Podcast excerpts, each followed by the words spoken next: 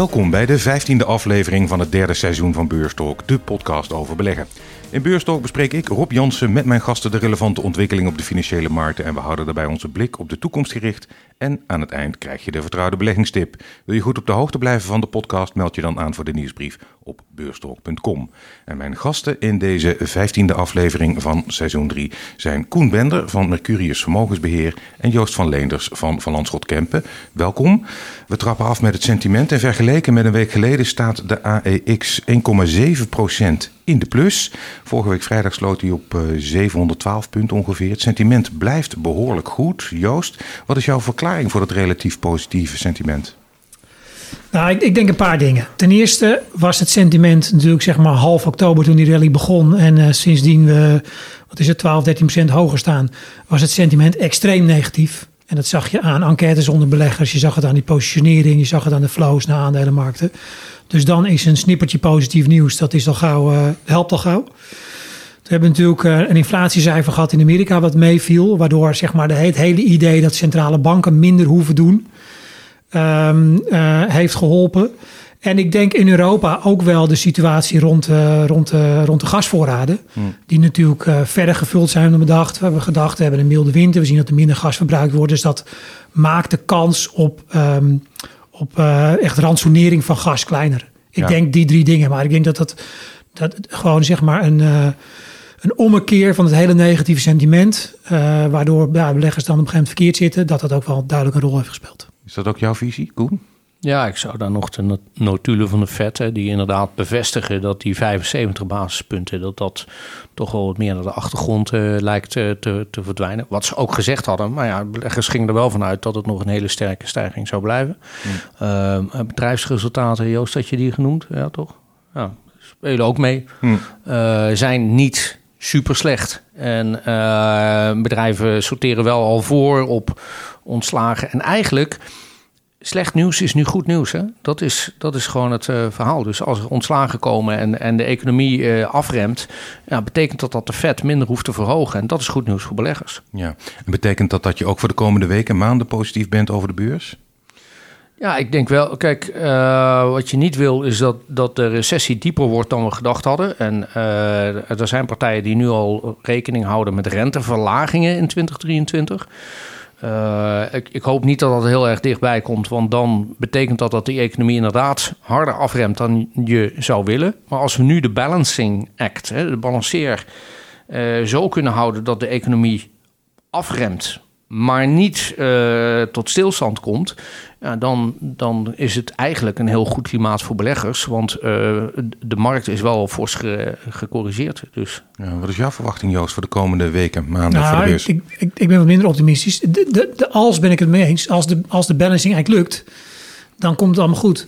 Um, wat, ik, wat ik opvallend vind, er wordt heel veel gepraat over de, de ommekeer van centrale banken, de pivot is een beetje het toverwoord.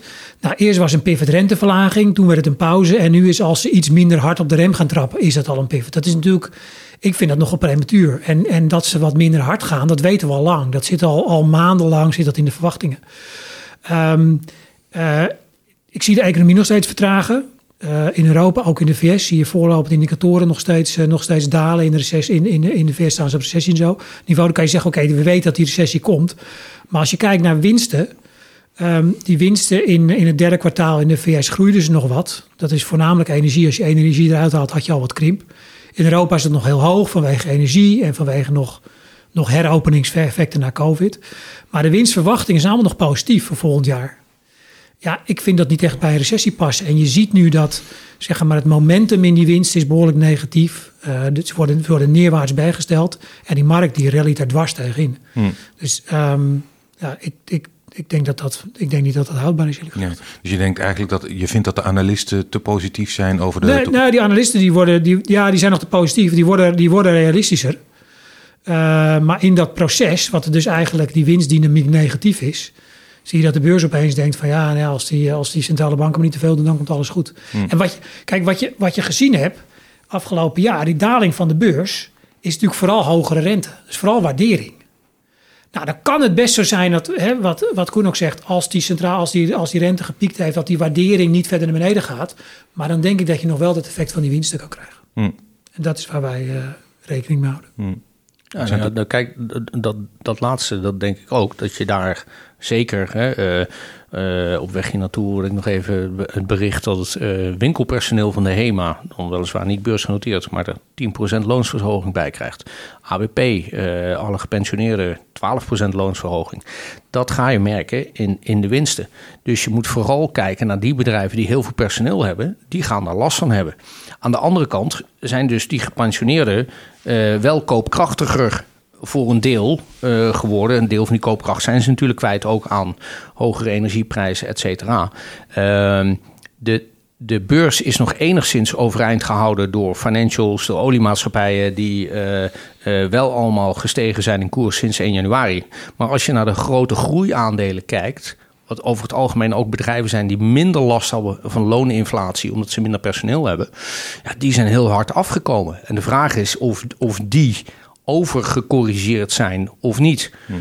Uh, uiteindelijk denk ik dat als je veel inflatie gaat krijgen, dan ga je zoeken naar alternatieve methodes om je kosten te drukken en moet je dus gaan innoveren.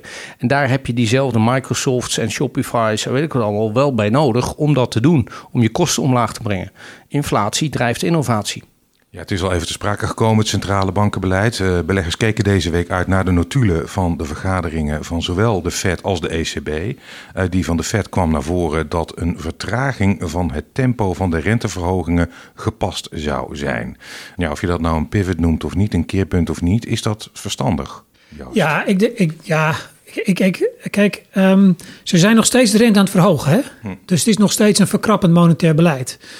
Um, als je kijkt naar wat als gezien wordt als een evenwichtsrente, kun je altijd, altijd de inflatie bijhalen, kun je over discussiëren of ze daar zijn. Maar over het algemeen zeggen we wel, ze zitten een beetje, de, de, de, de, vet zit wel in restrictief uh, gebied, zeg maar. Dus um, um, wat het interessante was met die, met die laatste beleidsvergadering, wat zowel de ECB als de vet zeiden, ja, we, tot nu toe zei ze alleen maar, er is hoge inflatie, we verhogen de rente.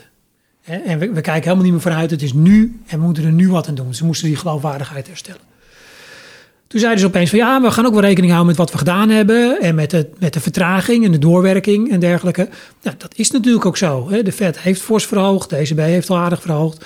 Dat moet ook voor een deel nog zijn beslag krijgen. Dus dat ze iets rustiger aandoen en het een beetje aankijken, dat is niet zo gek. Maar mijn punt is vooral dat dat geen nieuws is. Dat is al, ik denk al sinds september. Hmm. Als je kijkt, je hebt altijd die, eh, die voorspellingen van individuele beleidsmakers van de Fed. Volgens mij was het in september dat ze al zeiden van nou, we gaan uh, tot die, uh, tot die 4,75 en dat is het zo'n beetje. Mm. En daar zit het eigenlijk nog steeds. Dus dat is op zich niet zoveel nieuws. En voorlopig blijven ze nog steeds de rente verhogen. Zo kijk jij er ook naar, Koen. Nou, ik denk dat het echte nieuws was in september. Want uh, eind augustus, voor Jackson Hole, dachten we nog van... nou, hè, we hebben nu twee keer 75 gehad, nu zullen ze het wel rustig aan gaan doen. En in september, en ook bij Jackson Hole, kwam het nieuws... nee, dat gaan we niet doen. En dus was september voor heel veel beleggers... eigenlijk soort even koud afdouchen na een uh, gezellige zomer. En gingen we hard onder de laag. En zaten we op dat punt van maximaal pessimisme... waar Joost het net over had. En, en, en nu zie je dus dat de vet eind eigenlijk dat aan het doen is, een, een genuanceerder beleid gaat voeren. Uh, en we dus terug mogen naar de situatie van de zomer. Als je kijkt naar de ECB, eh, die verhoogde onlangs de rente met 75 basispunten. En uit hun notulen blijkt dat sommige leden van het bestuur liever een minder forse verhoging hadden gewild, namelijk 50 basispunten. Maakt dat veel uit? Of hebben die, hebben die mensen die 50 punten wilden uh, gelijk? Hoe zie je dat, Joost? Um, ik denk dat het voor het sentiment wel uitmaakt. Uh, ja, de ECB heeft het natuurlijk lastiger omdat die economie veel, uh, veel harder afkoelt. Dus um, ik denk ook dat, dat, dat de mogelijkheid dat de ECB niet helemaal gaan doen wat er nu in de markt zit, dat die wat groter is dan bij de Fed. Hmm. Um, ze zeggen natuurlijk dat ze nog rente verder willen verhogen en waarschijnlijk nog een keer 50 basispunten. Nou, dat zal wel, maar dan, dan zit je op een gegeven moment krijg je wel echt indicatoren dat die, dat die krimper is. Hmm. En dan is het maar de vraag hoe ze dat gevolg. Dus het is, het is denk ik het is lastig. En je zit natuurlijk ook. Uh, ja, kijk, bij de, bij de vet heb je natuurlijk ook de, de, de duif en de haviken. Maar die heb je bij de ECB natuurlijk ook enorm. Dus dat, dat verschil is altijd wel groot. Zo kijk jij er ook naar, Nou ja, veel, veel, ja, veel moeilijke verhalen ook. Hè. Uh, veel grotere tegenstrijdige belangen. Duitsland en Nederland willen wat anders dan uh, Spanje en Italië. We worden veel harder geraakt door de Oekraïne... omdat we niet onafhankelijk zijn van energie zoals Amerika dat wel is. Dus, uh, en ja, veel moeilijker om, om te manoeuvreren. Dus niet zo heel erg gek. Kijk naar, naar de, de price cap op gas is niet gelukt, omdat de belangen zo tegenstrijdig waren binnen Europa. Dat uh, ja, het is gewoon al heel erg moeilijk om überhaupt tot een beslissing te komen. Hmm. Dus uh, niet zo gek dat daar verschillen in zijn. goed dat we naar uiteindelijk een normalere rentesituatie gaan. Hoe, hoe pijnlijk dit transitiejaren ook voor veel beleggers is. Hmm. Ehm, we komen er veel gezonder uit. Ik las vandaag ook in het eh, FD dat uh, Klaas Knot vindt dat de rente in Europa voorlopig verder omhoog moet. Dat we nog niet bij het punt zijn waarop je de voet van het rempedaal kunt halen. En ECB-bestuurder Isabel Schnabel die is het met hem eens. Ja, van Knot is natuurlijk niet zo verrassend, hè? Nee, nou goed, hij, is, altijd hij wel, is een havik. Die zit wel echt een havik, ja. ja. En Schnabel, dat is, uh, is dat Duits? Vrouw Schnabel? Ja, ja, mevrouw. Ja, Het is toch niet zo gek dat een nee. Duitser het met hem eens nee, is? Kijk, ze zitten natuurlijk, kijk, ze zitten natuurlijk nog gewoon met een hele hoge inflatie. En... Um, die groei is nog meegevallen. In het derde kwartaal viel dat ook mee. We hebben net een cijfer van Duitsland gehad. Nou, een klein beetje naar boven bijgesteld. Dat was eerst 0,3, is nu 0,4. Dus ze kunnen nog steeds ja, zeggen de economie groeit en we hebben hartstikke hoge inflatie. Dus we moeten verder verhogen. Dus het is, het is niet zo gek dat ze dat zeggen. Ik denk alleen als je vooruit gaat kijken en die groei is er niet meer en die staat om in krimp, dan kom je in een andere situatie. Ja. Maar um, kijk, die centrale banken zijn net als veel anderen, net als ik, ook verrast door hoe hoog die inflatie en hoe hardnekkig die inflatie is. Hmm. Dus ze moeten ook voorkomen dat de inflatieverwachtingen uit de hand lopen. Hè, dat ze, ze moeten hun, hun, hun, um, uh, hun betrouwbaarheid moeten ze behouden. Nou, er is nu nog kans toe, er is nu nog groei. Ja. Dus ja, en dan, en dan dat, dat inderdaad Nederland, Duitsland, Oostenrijk, uh, ik geloof Letland, dat die dat zeggen, dat is dan hm. niet zo verbazend natuurlijk. Je had het net, Joost, over uh, indicatoren die uh, verslechteren. Maar als ik kijk naar in Nederland bijvoorbeeld, consumentenvertrouwen is nog steeds heel erg laag. Maar verbeterde al wel, leek al een beetje uit het dal te klimmen. En de IFO-index in Duitsland was verrassend goed. Dan denk ik, milde recessie. En de PMI's in Europa vielen wat mee. Dus ja. Um, ja, want jij zegt ik ben somber, maar... Nou, ja, dat, ja, kijk, dat consumentenvertrouwen is wel, is wel dat is zo laag. En dat is ook wel interessant, want als je dat normaal dan zou je zeggen, ja, dan geeft die consument helemaal niks meer uit. En dat blijven we wel doen. Dus dat, dat, is een, uh, dat zegt niet altijd wat. Um, ja, dat bodemt wat uit. Ik weet niet of het definitief is. En um, dat zeg ik. Uh, misschien heeft te maken dat mensen wennen aan de situatie. En wat ik zei, dat het met die gasprijzen en bijvoorbeeld in Nederland Um, nou ja, dat we dan in, uh, in uh, wat is het, november, december 190 euro erbij krijgen. En vanaf januari, als alles goed gaat, uh, niet meer die hoge gastarieven moeten betalen. Dat helpt misschien een beetje. Ja. Wat denk jij, milde recessie of niet, Koen? Of wordt het een zwaar? Nou ja, ik, ik, tot nu toe denk ik dat het een milde recessie is. Maar inflatie is inderdaad hardnekkiger. Eh, ik denk dat het consumentenvertrouwen, zoals jullie ook al schetsen, een directe correlatie heeft met wat je kwijt bent voor, voor energie, met je portemonnee. Dat lijkt wat soepeler uit te vallen. en daarmee, kijk, zolang we niet. We komen ook vanuit die situatie met veel tekorten op de arbeidsmarkt. Dus als er nu uh, ontslagen zijn, betekent dat niet dat je maanden thuis zit en eh, honderd uh, keer nee krijgt op een sollicitatiebrief. En hmm. Dus ik denk niet dat we een hele diepe, zware recessie ingaan so far. Maar ja. we weten hoe fragiel het allemaal is. Uh, als, als er, nou, er hoeft maar het een en ander te gebeuren en het slaat toch een andere kant. Ik denk dat ook niet hoor, hmm. trouwens. Ik bedoel, ik denk wel dat de recessie, dat de, de kans op recessie is groter in Europa dan in de VS. We denken dat het allebei komt, maar de kans is zeker groter in Europa. Zal ook wat dieper zijn. Maar er zijn niet hele grote onevenwichtigheden in de economie als je kijkt naar naar, naar schulden van de private sector of naar bedrijfsinvesteringen, dan, dan valt het allemaal mee. Um, uh, er wordt natuurlijk behoorlijk gecompenseerd. Als je puur naar die schokken kijkt, hè, van zo'n zo'n versnelling, zo'n verkrapping van het monetair beleid en de energieprijs, zeg je ja, dat kan een behoorlijke recessie zijn, maar er zijn echt wel mitigerende factoren. En die arbeidsmarkt is er één van. Bedrijven zullen denk ik wel wat geneigd zijn om, om, om, arbeiders, om werknemers wat langer vast te houden. Want ze hebben er net uh, hemelaren moeten bewegen om ze te vinden. Ja. Dat is geen garantie. Hè? De arbeidsmarkt is altijd het krapst net voor een recessie. Maar um, dat is wel, er zijn verschillende redenen waarom het niet een hele diepe recessie hoeft te worden. En zeker in de VS waar het eigenlijk puur van die renteverhogingen komt. Koen, die recessie die komt er. Aan de andere kant doen overheden van alles om ja, mensen te helpen. Zowel met de energierekening als we zien nu ook, dat zei je al, de pensioenen gaan fors omhoog. Bij het ABP 12 procent. Uh, en er zijn meer pensioenfondsen die enorm verhogen. Uh, lonen, je zei al, de HEMA gaat omhoog. Eigenlijk werkt dat tegen het beleid van de centrale bank om die inflatie af te remmen. Want uh, de mensen zullen steeds meer in staat zijn om hogere prijzen te betalen. Um, ja, je bedoelt dat die loonsverhogingen uiteindelijk tot verdere oververhitting zouden kunnen leiden. Ja, het werkt eigenlijk tegen het beleid van de centrale banken. Nou ja, voor een deel. Uh, kijk, als het terechtkomt bij mensen die direct gaan uitgeven, dan, uh, dan zou dat wat uh, inflatoire effect kunnen hebben. ik denk dat het in dit geval, er liggen ook echte prijsstijgingen aan, van de, aan de kostenkant, aan ten grondslag. waarom er nu 10%. Het is niet alleen de rekenrente die het mogelijk maakt voor pensioenfondsen om dit te doen. Ze doen het ook omdat er daadwerkelijk inflatie is. En eh, ervan uitgaande dat mensen gewoon ook per saldo nog steeds meer kwijt zijn aan hun kosten, aan hun boodschappen dan een jaar geleden, gaat dat niet noodzakelijkerwijs zorgen voor extra vraag, maar het in stand houden van de huidige vraag. En uh, daarmee zou het geen inflatoire effect hoeven hebben. Ja, en, en, en, en even over die loonstijgingen. Um, daar, daar, moet, daar moet je denk ik een beetje mee oppassen. Kijk, die, ik, ik ken die deal van de HEMA niet. Hè? Maar als je gewoon kijkt naar het meest recente stijger, cijfer van het, van het, uh, van het eh, CBS over de CO-lonen, dat is 4%. Mm. Mm. Nou ja, bij 13% inflatie, dan gaan we er allemaal nog knetterhard op achteruit. Dus dat gaat ja. je economie niet helpen. En, en ook in Europa zit dat uh, rond de 3,5, 4 procent. Dat, kan, dat is aan het stijgen hè, en dat kan allemaal meer. Maar het, het, het is, niet dat iedereen, het is niet dat iedereen 10% per jaar krijgt. Heel veel van die deals zijn ook voor meerdere jaren. Nee, uh, sterker nog, de, het winkelpersoneel van de HEMA krijgt 10%, het kantoorpersoneel 2%. Dus uh, hè, daar wordt al een onderscheid in gemaakt. Waarschijnlijk heeft dat winkelpersoneel gewoon te lang te weinig verhoging gehad.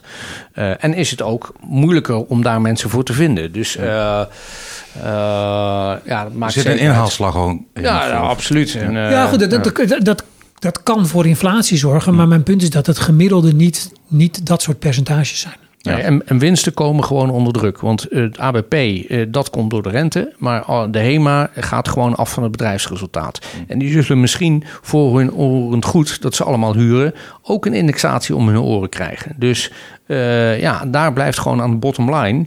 Als ze hun prijzen niet verhogen en de omzet overeind blijft, zakt hun uh, uh, bottom line in elkaar. Mm. En in, in de VS. Als een tompoes. Als je kijkt naar het derde kwartaal, dan zag je al dat, uh, dat de omzetten veel, veel meer groeien dan de winsten. Hè. Die omzetgroei was, uh, geloof iets van 12% en de winstgroei was 5 of zo, ja. inclusief energie. Hm. En exclusief energie was het 8 en min 4. Dus dan zie je al, dan zie je al dat die marges al onder druk staan. Dat, het, dat, het, dat ze moeite hebben om de winsten mee te laten groeien met de omzet. Ja. Dus dat effect zie je ook al wel voor een deel. Ja. Het is ook zo dat door de steunmaatregelen uh, ja, veranderen de overheidsfinanciën. Daar wordt nu ook al veel over gesproken. Dat wordt misschien wel de volgende voor de economie, wie zal het zeggen. Maar uh, minister Kaag liet zich deze week uh, ontvallen dat ze hogere belasting wil op vermogen en een hogere milieubelasting. Moet ook langer doorwerken en meer uren maken. Natuurlijk om de begroting op orde te krijgen. Verstandige woorden, Koen? Of kan het ook op een andere, betere manier? Nou ja, je mag in ieder geval hopen dat een minister van Financiën daar inderdaad over nadenkt. En uh, ja, het is logisch dat ze, dat, dat ze zoiets uh, zegt. Het zou misschien nog wel veel beter kunnen zijn als ze andere dingen uh, aanpast. dat kan genuanceerder. Maar ja, ik, in deze denk ik dat ja. Ja, het, is, uh, het kan alle kanten op. Nou, ik, ik breng het naar voren omdat uh, er in de coalitie, de VVD bijvoorbeeld, die zegt ja, ik wil vooral liever bezuinigen ja. dan dat je uh, de belastingen verhoogt. Ja, nou, ik denk, ik denk twee dingen. Ik denk meer uren maken. Ik denk dat dat, ik denk dat, dat heel goed zou zijn. En we zijn kampioen deeltijd in Nederland. En er is, niet, er is, er is niet per se overal een personeelstekort, maar wel een tekort aan mensen die voltijd werken. Dat is denk ik lastig op te lossen, maar het is wel, het is wel feit. Dus het zou heel fijn zijn als mensen meer uren gaan werken. Om die tekorten, want er is natuurlijk echt overal heb je tekorten. Hm. Dus ik denk dat dat goed is. Um, over, die, over die belasting, hogere milieubelasting. Ja, ik denk als je bijvoorbeeld los van het netto resultaat, maar een verschuiving bijvoorbeeld van een, van een belasting op arbeid naar een belasting op milieu. Ik denk dat dat helemaal niet slecht is. Hm. Hè? Eh, eh, dan, dan, dan wordt arbeid goedkoper. Ehm, en, het, eh, en het kopen van milieubelastende dingen wordt duurder. Hm. Daar is denk ik op zich niet zoveel tegen. Verschuiving van belasting op van, van arbeid naar vermogen, ja, dat, is, dat is denk ik meer een politieke keuze. Ja. En dan snap ik dat de VVD er ander in zit. En dan verder bezuinigen of belasting verhogen. Ehm, ehm, over het algemeen denk ik dat belasting verhogen economisch gezien wat minder goed is dan bezuinigen. Maar het hangt natuurlijk wel vanaf waar je op bezuinigt. Hm. Als je bezuinigt op, eh, weet ik veel, hoger onderwijs of onderwijs zijn algemeenheid. En je productiviteit gaat uiteindelijk naar beneden, dan heeft dat op lange termijn ook gevolgen. Hoe sta jij erin? Volg jij het VVD-standpunt eh, liever eh, bezuinigen dan eh, belasting verhogen, Koen? Nou ja, ik denk dat dat eh, genuanceerder kan. En eh, inderdaad, op bepaalde onderdelen mag de belasting misschien best wel eh, wat omhoog om ook gedrag te veranderen bij, bij een, een consument of een producent. Maar dan is het sturend met andere maatregelen. Ehm, eh, en ja, je moet gewoon heel erg duidelijk op de knip zijn. Maar ik denk dat dat eh, ook voor de overheid is het feestje van gratis geld voorbij. En moet er dus heel goed nagedacht worden over waar, waar doe je wat mee. Hè. Bedenk goed wat je met je laatste euro doet. En eh, daar eh, kunnen we best wel wat beter over nadenken. Dus ook bezuinigen op bepaalde vlakken. En dat moeten inderdaad de goede bezuinigingen zijn. Want je, ja, je, je hebt natuurlijk ook heel veel slechte bezuinigingen. Ja. Maar dat heeft Joost al. Er is ook eh, onrust eh, in de cryptowereld, of liever gezegd, de onrust daar houdt aan. Het einde van Genesis, dat wordt ook wel de Goldman Sachs van de cryptowereld eh, genoemd. Dat bedrijf stevend af op een faillissement. Waarschijnlijk kan het de verliezen die het leidt op de ondergang van FTX, dat is een andere cryptobeurs, kunnen ze niet dragen. Genesis heeft geld uitgeleend aan cryptobedrijven zonder onderpand. Dat is iets wat ik overigens Goldman Sachs niet zo gauw zie doen. Maar ehm, ja, de vraag eh, aan jullie, eh, jou Joost, om mee te beginnen. Eh, wat denk je, is dit het begin van het einde van de crypto-wereld? Nou, dat, dat weet ik niet en dat denk ik niet. Want die, die, technologie, die technologie die eronder ligt is innoverend. En we weten nog helemaal niet wat de precieze mogelijkheden daarvan zijn. Ehm, ik denk een paar dingen. Ehm, er zijn natuurlijk dingen beweerd en gebeurd die niet waar te, waar, waar te, te, te maken waren. Bijvoorbeeld ook sommige, sommige rentes die daar gegeven wordt. Weet je, als je dan je crypto's ergens stalt, dat je weet ik van 15% rente krijgt. Dan denk je van ja, wat denk je dat die bedrijven dan doen om, om die rente mogelijk te maken? Er zit natuurlijk enorm risico aan. Eh, het uitlenen met onderpand of als onderpand je eigen crypto. Ja, ja dat, is natuurlijk allemaal, dat is natuurlijk allemaal nogal wat. Ja, Ehm, dus ik, ik denk dat het wel, wel zal voortbestaan. Als je kijkt vanuit beleggingsperspectief, wij doen, eh, wij doen niks met crypto. We houden, het in de gaten. Ik denk wat crypto wel heeft laten zien, dat het eerder meebeweegt met risicovolle beleggen dan er tegenin. Op een gegeven moment was het een beetje het verhaal, is het nieuwe goud. En, hè, dat is, en je ziet eigenlijk dat het afgelopen jaar behoorlijk mee op en neer heeft bewogen met, eh, met de beurs. Dus die diversificatie niet per se biedt. Ehm, nou, het hele verhaal van regulering. Het is ook, je kan ook zeggen, het is ook interessant. Hè? Je hebt gewoon een beleggingscategorie waar helemaal niks gereguleerd wordt. Laat maar lekker gaan. En iedereen die mag zijn vingers branden. Maar ja, als je daar als particulier instapt uh, en, uh, en je bent je geld kwijt, dan is het natuurlijk wel heel vervelend. Dus Ja. ik denk niet dat het ondergang is. Ik denk wel dat het de beleggingscasus nog, uh, nog wat lastiger maakt. wat is jouw opinie, Koen? Was wat mij inderdaad Nou, ik, wil, ik, wil, ja, ik wil twee dingen uit elkaar trekken. Dat, Hm. dat is eh, aan de ene kant de munten en aan de andere kant de blockchain. Hm. Kijk, die, die blockchain, eh, eh, vroeger hadden we een traveler check en, en, en, en eh, die hebben we ook niet meer. En, ehm, dus dat, dat verandert allemaal. En of dat nou... Ik ben eigenlijk wel... Ja, dat klinkt een beetje lullig, maar... eh, we hebben natuurlijk al vier, vijf jaar lang de vraag gehad: wat vind je van crypto's? En al vier, vijf jaar lang eh, zeggen, zeg ik, maar ook veel anderen: ik snap het niet. Ik ben nog niemand tegengekomen die me nou echt heeft kunnen uitleggen hoe het werkt. En, en hoe het dan zit met die zes mensen die dat allemaal eh, uitgeven en weet ik wel allemaal. Eh, en leuk dat we allemaal naar een transparantere wereld willen, maar dan niet weten hoe we dit allemaal financieren. Dus ik denk, ik laat het aan me voorbij gaan. Ja. Dus ik zie het vanaf een afstand gebeuren. En ik ben eigenlijk wel blij dat als wij weer allerlei controles en checklisten voor de Nederlandse bank moeten invullen, ja, dat we zien dat een niet gereguleerde wer- wereld dus ook niet werkt. Ja, en dat er heel veel goudzoekers zijn geweest die eh, eh, dachten dit is het nieuwe goud en daar stoppen we ons geld in. Ja, tot, uh, tot drie kwart jaar geleden kreeg ik nog allerlei verhalen op feestjes en partijen en, en, en aan de toog en kroeg over hoe goed het ging in de cryptowereld en dat, ze er al, dat ik maar een sukkel was dat ik er niks in deed. Ja, ik ben blij dat ik nu, als we een kerstborrel hebben dadelijk in december, gewoon de kroeg in kan lopen en al die verhalen niet meer aan hoef te horen. Hmm. Ja. ja, want het is inderdaad wel opmerkelijk als je het hebt over toezicht. Ja. Eh, is, de, de, de, boekhouding van die bedrijven bestaat bijna niet. Nee, dat, dat en ook gewoon de marktmanipulatie. Dus ja. natuurlijk echt gewoon echt ja. forse marktmanipulatie onder die grote bedrijven, maar ook onder, uh, ook onder weet, vanuit, vanuit, vanuit sociale media en zo. Dat is, dat is natuurlijk wel kwalijk. Ja. Dat Snel geld en gouden bergen zijn too good to be true. Hm. En dat is nu ook weer gebleken. En dat gaat in de toekomst ook weer terugkomen. Of het nou een tulpenmanie is. In 2000 hadden we ook allerlei bubbels. Ja, het, het hoort ook bij het leren dat beleggen een vak is. We gaan naar Philips. Over drama's gesproken. Uh, daar houdt de stroom aan slecht nieuws uh, ook niet echt op. Uh, de afgelopen maanden zijn er 21.000 nieuwe klachten gekomen over de apneu- en beademingsapparaten van Philips. En het mogelijk aantal sterfgevallen is toegenomen tot 260. Koen. Roy Jacobs is de nieuwe topman. Gaat hij dit varkentje wassen? Want het lijkt me nogal een klus de claims die eraan komen. Nou ja, het lijkt erop dat het eerder eerst slechter wordt voordat het uh, beter kan worden. Uh, dat, dat is ook al hard op weg om te doen. ja, ehm, heel moeilijk verhaal. En het lijkt toch wel nog weer een gradatie erger dan hmm.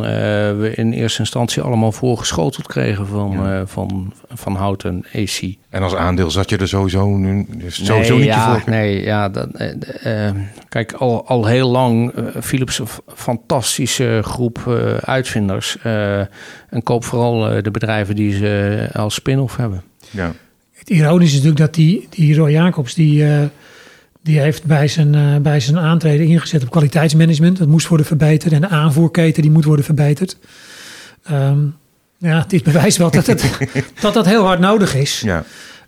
Um, dus dat, dat, is, ja, dat is dan misschien nog het positieve dat daar, dat daar aandacht voor is. Maar, hmm. Daar houdt het ook wel mee. Ja, kijk, ja, dat risico is natuurlijk hier. En, en, en de juridische, juridische kosten die er mogelijk uit voortvloeien. Als daar veel geld naartoe moet en ze moeten hun RD-budget eh, naar beneden brengen. Ja, dan is dat wel, uh, dan is dat wel lastig voor het bedrijf. Ja. Denk, het is wel het is wel hard afgestraft, ook het aandeel. Hè? Maar ja, goed, de claims, dat is precies. Uh, dat is uh, uit Amerika. Dat, dat, is, dat is gewoon, uh, ja, een black hole ja, geen, geen idee waar dat gaat eindigen. En uh, vroeger kon je nog wel eens een, een claim apart uh, listen als je Joep van de Nieuwenhuizen heette en uh, Begeman had. Maar die tijd is volgens mij, ik weet niet of we dadelijk een aparte notering gaan krijgen van Philips slaapapneu en, en de rest van het bedrijf. Nou, dat is wat je eigenlijk zou willen. Zonder het slaapapneu probleem is het natuurlijk een screaming buy. Maar ja, ga er maar aan staan. 260 waarschijnlijk vooral Amerikanen die eraan overleden zijn. Nou, uh, dank je de koekoek. Ik uh, loop wel even om. Ja, ja, ik had er ook een soort Bayer Monsanto gevoel bij. Ja, het nou ja. miljarden uh, ja, als best claims, you name it. bedoel, en het wordt alleen maar erger natuurlijk. Want de claimcultuur is alleen maar zwaarder geworden sindsdien. Dus het is ook niet van, goh, Firestone en er is een auto over de kop gegaan, niemand overleden. Dus je krijgt een claim voor je band. Disney voor we naar de cijfers gaan, uh, wil ik het even over het amusementsbedrijf hebben. Uh, vrij abrupt is Bob Chapek uh, aan de kant geschoven als topman van Disney. En de oudgediende, zijn voorganger Bob Iger, die neemt het stokje over. Hij zal de streamingdienst winstgevend moeten maken. Denk jij dat Bob Iger de man is die dat kan doen, Koen? Nou ja. Er is een hoop gebeurd daar. Ja, dit is... Dit, hij heeft het vertrouwen van beleggers. En hij heeft natuurlijk de reputatie dat hij het kan doen. Maar uh, ik, ik, snap ergens de move van Disney wel. Maar het lijkt ook wel een beetje als een hele abrupte move uh, om ja, dat de situatie zo uit de hand gelopen was met de oude Bob. Ja, sorry, met, dat is een beetje lastig. Met uh, Chap, Chapok heet hij geloof ik. Bob uh, Chapek. Chapek.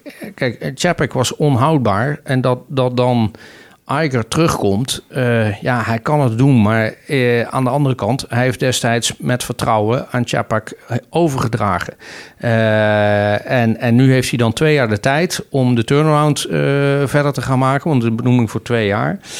Ehm Mm, ik had liever gehad dat ze gewoon een normalere transitie hadden gehad en gezegd hadden van uh, Chapak, uh, het gaat hem toch niet worden. Hmm. Maar we hebben hier een goede, goede nieuwe man uh, die warm gelopen heeft. Dat had misschien voor de korte termijn reactie van het aandeel minder positief geweest, maar op lange termijn veel beter. Want ja, hoe goed is de garantie dat, dat Iger dadelijk aan de volgende Bob wel goed gaat overdragen? Plus dat je, als je kijkt naar de geschiedenis van Netflix, die heeft er ook vrij lang over gedaan om de tent winstgevend te krijgen. Dus dat wordt ook nog een, eh, een klus wellicht. Ja, ze hebben natuurlijk nu ook te maken met, met uh, teruglopende abonnees na de corona. Ze zijn bedrijven, Netflix en, uh, en Disney ook, die enorm van, die, uh, van de corona hebben, van, van, van de pandemie hebben geprofiteerd. Omdat iedereen opeens thuis voor de tv zat. en dat, dat loopt er nu natuurlijk wel dat, loopt er natuurlijk uit. En ja, dat maakt het ook lastig. Uh, met al die streamingabonnementen en een inflatie die oploopt. Ik denk dat dit ook uh, gewoon een recessie-issue is. Hm. Ja, dat je gewoon gaat kijken, eh, wacht eens even, ik hou uh, minder over. Wat ga ik doen? minder in mijn boodschappenmandje? Of wie van de drie streamingdiensten gaat eruit? Hm. Ja, en dan heeft Disney toch minder portefeuille opgebouwd, minder establishment bereikt dan een, een Netflix bijvoorbeeld. Ja, maar daar gaat een Videoland in Nederland of HBO of al die andere jongens gaan er ook gewoon last van hebben. Hm. Zo simpel. Gaan we naar de bedrijfscijfers. En ik heb selectie gemaakt, er zijn er twee. Uh, ik wil aftrappen met HAL, Koen. Uh, HAL is een investeringsmaatschappij die beleggers ook de kans biedt om indirect te beleggen in niet beursgenoteerde bedrijven. maakt het ook een beetje lastig om het te beoordelen, want ze hebben meevallers en tegenvallers. Wat, wat maak je van de cijfers? Nou ja, kijk, die niet beursgenoteerde bedrijven, die uh, waarderen ze altijd aan het einde van het jaar. Hè. Dus mm. dat, dat weten we in maart, hoe dat ervoor uh, voor staat. Ze hebben nu wat grotere afboekingen moeten nemen, ook door de koersval van die uh, beursgenoteerden. we meten ten opzichte van een jaar daarvoor, waarin ze natuurlijk hele mooie cijfers hadden, doordat Grand Vision zo, zo, zo mooi geperformd had en, en uiteindelijk uit de portefeuille ging. kijk, per saldo, uh, het, bedrijf heeft onderdelen die heel erg profiteren van de huidige omstandigheden uh, in olie en gas. Ja. Uh, maar heeft duidelijk ook het tegenwind bij anderen. Coolblue had natuurlijk eigenlijk al twee jaar op de beurs genoteerd moeten staan. Dat wordt steeds uitgesteld. Ze zullen op andere onderdelen hebben ze ook afboekingen moeten doen. Uh, dus ja, het is wel een duidelijke reflectie van hoe het ook uh, in, in de onderliggende economie, op de, of eigenlijk de beurs zelf gaat. Hmm. Uh, met dien te verstanden dat je dus het, het, niet beursgenoteerde deel niet direct kan zien. Hmm. het aandeel zelf, ja, op 125. kijk, op middellange termijn zie ik het heus wel goed komen met Hal. En gaat Hal uh, ook wel weer de mogelijkheid vinden als het beursklimaat gestabiliseerd is om alsnog Coolblue naar de beurs te brengen. Aan de andere kant, ze hebben nog steeds een gigantische uh, hoeveelheid cash waar ze dingen mee kunnen doen. Uit die verkoop van Grand Vision onder andere. dus voor hen moet het misschien ook wel een periode worden waarin ze weer een gedisciplineerde, maar wel mooie aankoop zouden kunnen gaan doen in de portefeuille. Dus hmm. ja, als aandeel denk ik dat het een heel ja, altijd een heel mooi eh, onderdeel van de portefeuille kan zijn. Ja, want ik ken jou inderdaad wel als iemand die wel gecharmeerd is van dit soort investeringsfondsen, toch? Ja, dus Sofina heb je in België ook. Ja, ja eh, kijk, uh, Sofina heeft het ook behoorlijk moeilijk gehad dit jaar. de jaren daarvoor fantastisch gedaan. Het is een hele mooie brede spreiding.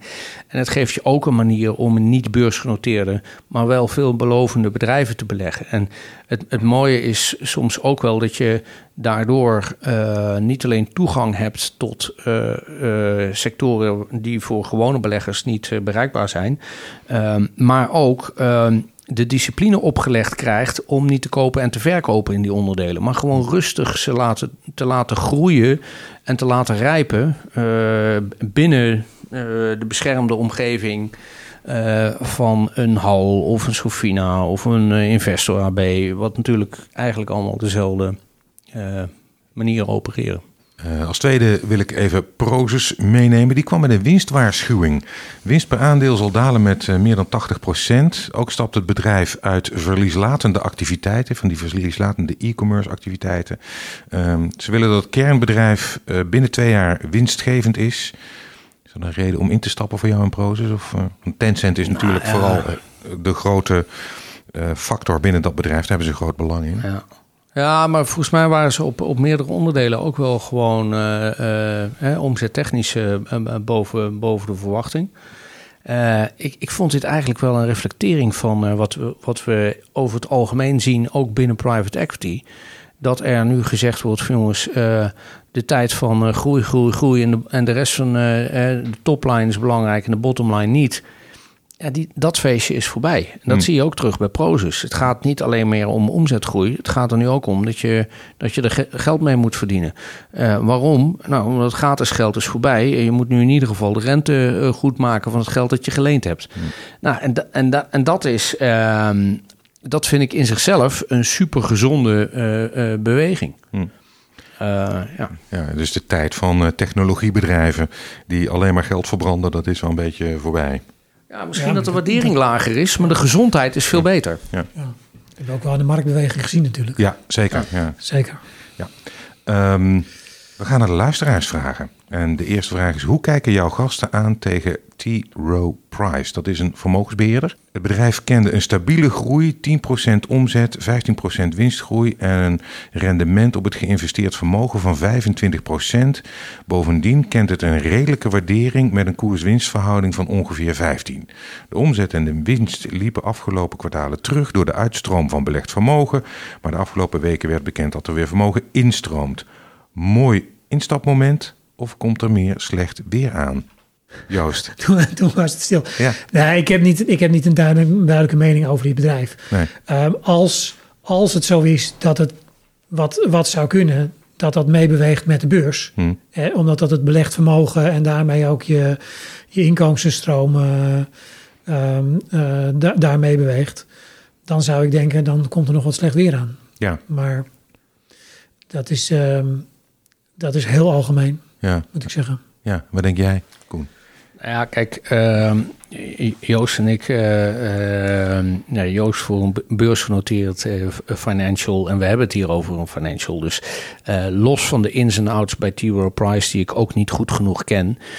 Op het moment dat je denkt dat, dat we nu langzaam maar zeker op een, een bodemniveau in de beurs zouden zitten, dan is het een hartstikke mooi moment. Want deze business is een business die vooral om schaalgrootte gaat. Dus als je volume weer begint te stijgen, zonder dat je, kost, je kosten hoeven niet in dezelfde mate mee te stijgen.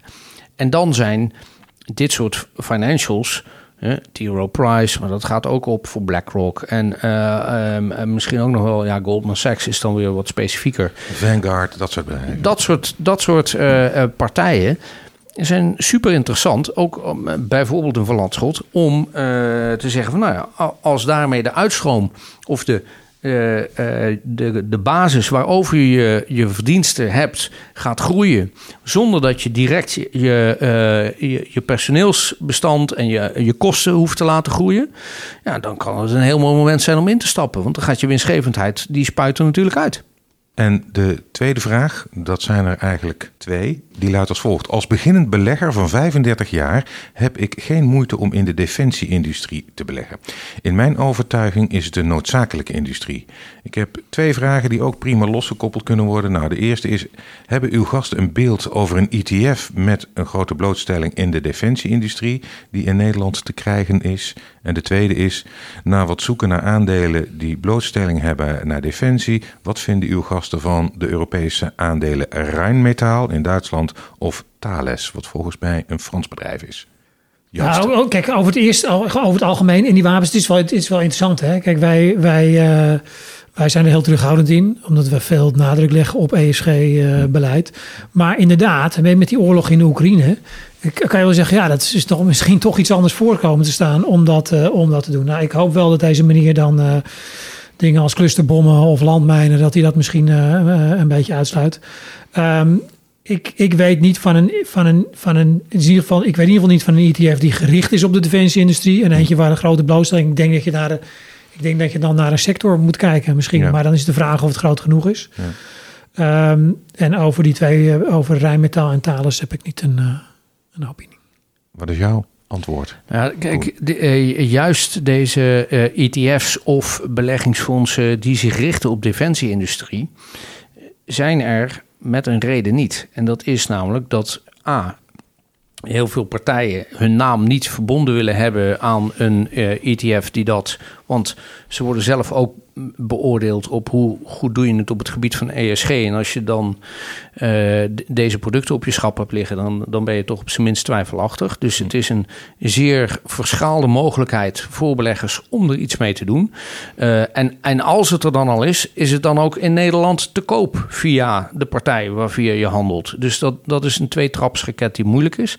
In dat geval zou het makkelijker kunnen zijn om de individuele aandelen te kopen. Dus wat je wel kan doen is kijken waar beleggen die ETF's dan in? Hoe zijn ze samengesteld? En kan ik die bedrijven zelf kopen in een min of meer gelijke verhouding?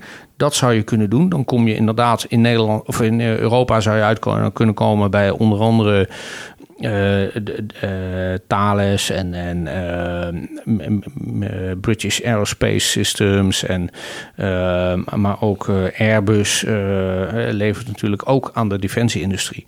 Wat dat betreft zijn Rijnmetaal en Thales echt wel andere bedrijven. Eh, Ik zou zeggen, Rijnmetaal is toch wat meer de hardcore eh, tanks en ammunitie. En die gebruiken natuurlijk ook heel veel staal, heel veel stroom om het te maken. Eh, dus ondanks investeringen die niet alleen door de Oekraïne gedaan worden, maar überhaupt ook door Duitsland om defensie te versterken, zou je kunnen zeggen, het is heel, het zou kunnen groeien. Maar de kosten nemen ook ontzettend toe. En je bent maar met een zeer beperkt eh, eh, gezelschap van beleggers dat überhaupt eh, erin wil investeren. Dus Thales vind ik wat dat betreft een, een, een wat breder bedrijf die ook systemen voor civiele toepassingen levert. Wat natuurlijk veel. Ja, daar is defensie een veel minder groot onderdeel van, van de productenportefeuille. Mhm. En ja, Ja, op zich heeft die meneer natuurlijk wel gelijk dat je, we zijn in Europa wel wat anders tegen defensie aan gaan kijken. En Zelensky heeft gezegd dat het voor democratieën belangrijker is om zich goed te bewapenen eh, dan eh, voor een dictatuur. Je hebt liever dat democratieën goed eh, beveiligd zijn. Dus op zich. Ja, die discussie, die, discussie die, die speelt ook, natuurlijk. Ja. Ja, buiten kijf. Maar dat kun je op heel veel verschillende manieren doen. Net zoals dat Europa in eerste instantie gezegd heeft... we gaan helmen, kogelvrije vesten en eh, short-range anti-tankwapens leveren. Want dat is verdediging. Dat is wat anders dan inderdaad clusterbommen en mijnen... die, eh, die, die Joost net noemde. Dus je hebt heel veel verschillende gradaties. En op het moment dat je als bedrijf levert aan eh, de defensieindustrie... maar ik denk wel dat de, de cruciale industrieën misschien zouden geen publiek eh, genoteerde bedrijven misschien toch niet moeten zijn. Ja, ja. Ja, want eh, er, er moet misschien ook wel een reden zijn waarom je je defensiemateriaal niet uit het buitenland moet halen. Want als je ruzie krijgt met het buitenland, dan heb je het niet meer.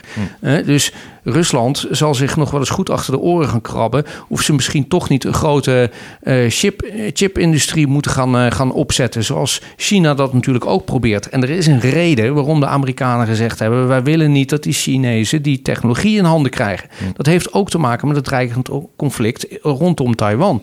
Er is een reden waarom je dat allemaal in eigen huis wil ontwikkelen. Want when shit hits the fan, dan moet je de luiken dicht kunnen doen en self-supporting zijn. We zijn aan het eind van de podcast gekomen. Koen, en je mag meteen door naar je tip voor de luisteraar.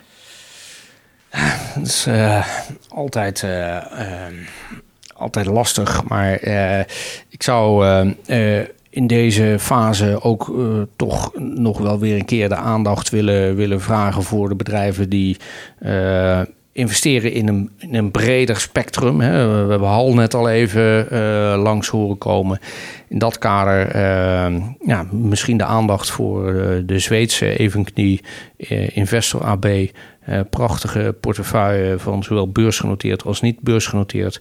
Behoorlijk gecorrigeerd dit jaar, zoals ook een aantal andere ondernemingen. Het mooie is dat de familie Wallenberg, die daar aan het roer staat en het DNA heeft bepaald, de lange termijn altijd op, op, als stip op de horizon heeft. En ja, nu tegen een mooie discount. Dus okay. Investor AB zou ook mee willen geven. Investor AB, wat is jouw tip voor de luisteraar, Joost? Nou, ik, ik, denk dat het, uh, dat is altijd meer macro. Het voordeel natuurlijk van die opgelopen rentes is dat er voor beleggers wel weer meer te kiezen is. Hè? Dat de obligaties over zijn algemeen weer interessanter zijn geworden. Uh, we zeggen nog niet dat je in elke obligatiecategorie al in kan stappen. Uh, staatsobligaties denken dat we redelijk bij de piek zitten van de rentes. Dus dat hebben we zelf ook al min of meer teruggebracht naar neutraal. En um, um, ja, we kijken bijvoorbeeld ook naar, naar, naar aandelen uit opkomende markten. Hmm. Eigenlijk een beetje de obligaties um, die wat minder gebonden zijn nog zeg maar aan, aan bedrijven en aan winsten. Hmm. dus bedrijfsobligaties en zeker de high yield bedrijfsobligaties, als het, als het economisch nog wat tegen zit, is dat nog lastig. Maar de obligaties die wat meer macro zijn, ja, die, die, uh, die beginnen wel interessant te worden. Dankjewel, Joost van Leenders van Van Landschot Kempen en Koen Bender van Mercurius Vermogensbeheer. Dit was de vijftiende aflevering van het derde seizoen van Beurstalk. Als je wilt reageren op de podcast of een beleggersvraag hebt voor mijn gasten, mail dan naar rob.beurstalk.com. En voor de nieuwsbrief kun je ook aanmelden op de site beurstalk.com. Dank voor het luisteren. Deze podcast verwoorden inzichten van mijn gasten, niet die van presentator Rob Jansen. Het is geen beleggingsadvies. Verdiep u in de risico's van beleggen voordat u eraan begint. De waarde van uw belegging kan fluctueren. In het verleden behaalde resultaten bieden geen garantie voor de toekomst.